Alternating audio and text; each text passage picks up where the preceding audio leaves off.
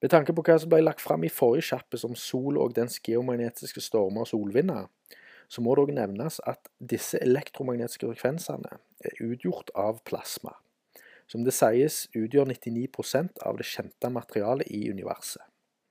Og plasma har i seinere tid blitt den fjerde fasen materie kan befinne seg i, da foruten faststoff, væske og gass. Plasma er en form for gass som opererer i særdeles høy temperatur og hastigheter, som da begrenser forekomsten av nøytrale elektroner i atombindingene. Og temperaturen bryter atomene enten til positive eller negative ioner. Og hastigheten de beveger seg med, gjør at de ikke forenes igjen til nøytrale atomer. Og ha i bakhodet det jeg sa der. For mennesker og dyr er fullstendig avhengige av ioner, som enkelt sagt er elektrisk lada atomer. Alle atomer besitter elektroner enten i overskudd, kalt negative ioner, eller underskudd, kalt positive ioner, eller ved likevekt av protoner og elektroner, kalt nøytrale atomer. De negative er helsebringende pga. deres overskudd på nettopp elektroner, som igjen har en grunnleggende innvirkning på cellenes metabolisme, og har alt å si for vitale organ og deres egenskaper og funksjoner. Negative ioner begrenser infeksjon, prooksidante, histaminsekresjon, blodtrykk og hjertefrekvens, ja, generelt alle typer sykdomsforløp. Lista den er lang.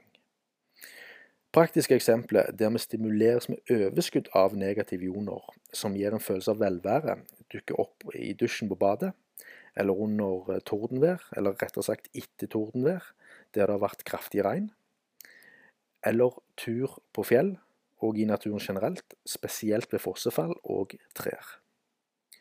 I sånne omstendigheter så kan han sjøl kjenne på en følelse av velvære, som jeg var inne på. Og Grunnen er at det miljøet du befinner deg i, er konsentrert med negative ioner. Du påføres enkelt sagt et elektronoverskudd.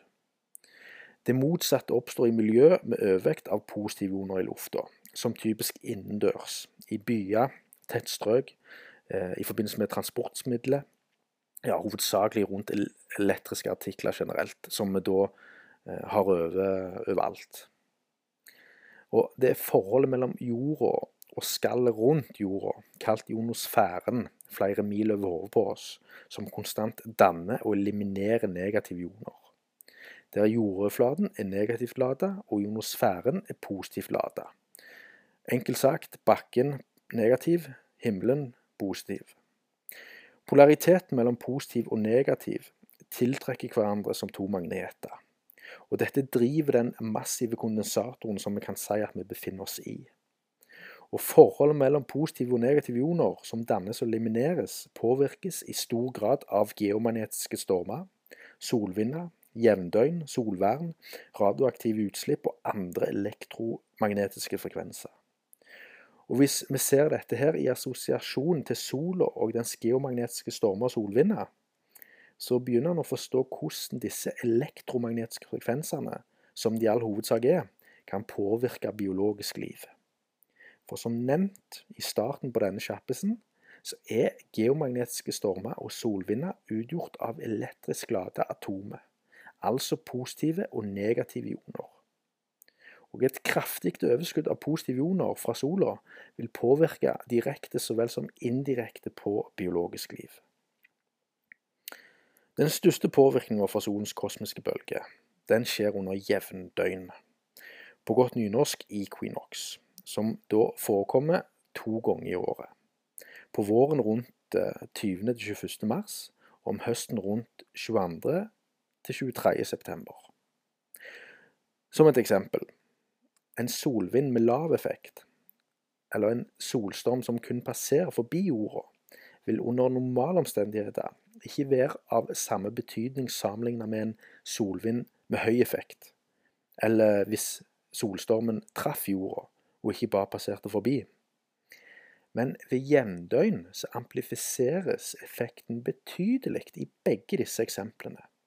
Og Grunnen til det er at under jevndøgn så åpner jordens magnetiske felt seg for solvinder og solstormer. Da rundt Sydpolen og Nordpolen. Og Det er fordi at rundt denne tida av året så er jordens ekvator vinkelrett på sola, som resulterer i at de sørvendte magnetiske feltene som befinner seg i den innkommende solvinden eller solstormen, krasjer med jordens nordvendte magnetiske felt, som resulterer i at de avbryter hverandre, disse magnetiske feltene. Når solvinden da, eller solstormen, strømmer nå gjennom denne åpninga, så vil effekten den får forsterkes kraftig pga. at barrieren som ellers opprettholdes av jordens magnetiske felt, er nå redusert, og atmosfæren på jorda er den eneste barrieren. Dette defineres som Russell McFerrin-effekten, og, og, kan forekomme når som helst, men har størst effekt, som sagt, rundt jevndøgn. Og disse åpningene kan være på størrelsen med land, eller så store at de overgår omkretsen til jorda sjøl. Men uavhengig om det er jevndøgn eller ei, så vil solvinden eller solstormen enkelt sagt bringe med seg positive joner som vil øke konsentrasjonen av de i atmosfæren. Som igjen da øker eksponeringa av positive joner på mennesker og dyr. Og som nevnt i starten, så gir positive joner motsatt effekt av de negative jonene, og er sykdomsfremkallende. Foruten å kunne bringe med seg sykdom, så vil et lysshow uten like dannes under slike omstendigheter. Og i hvert fall dersom det er snakk om en kraftig solstorm under jevndøgn. Og lysshowet er det vi kaller for nordlys, sydlys, polarlys eller aurora borealis.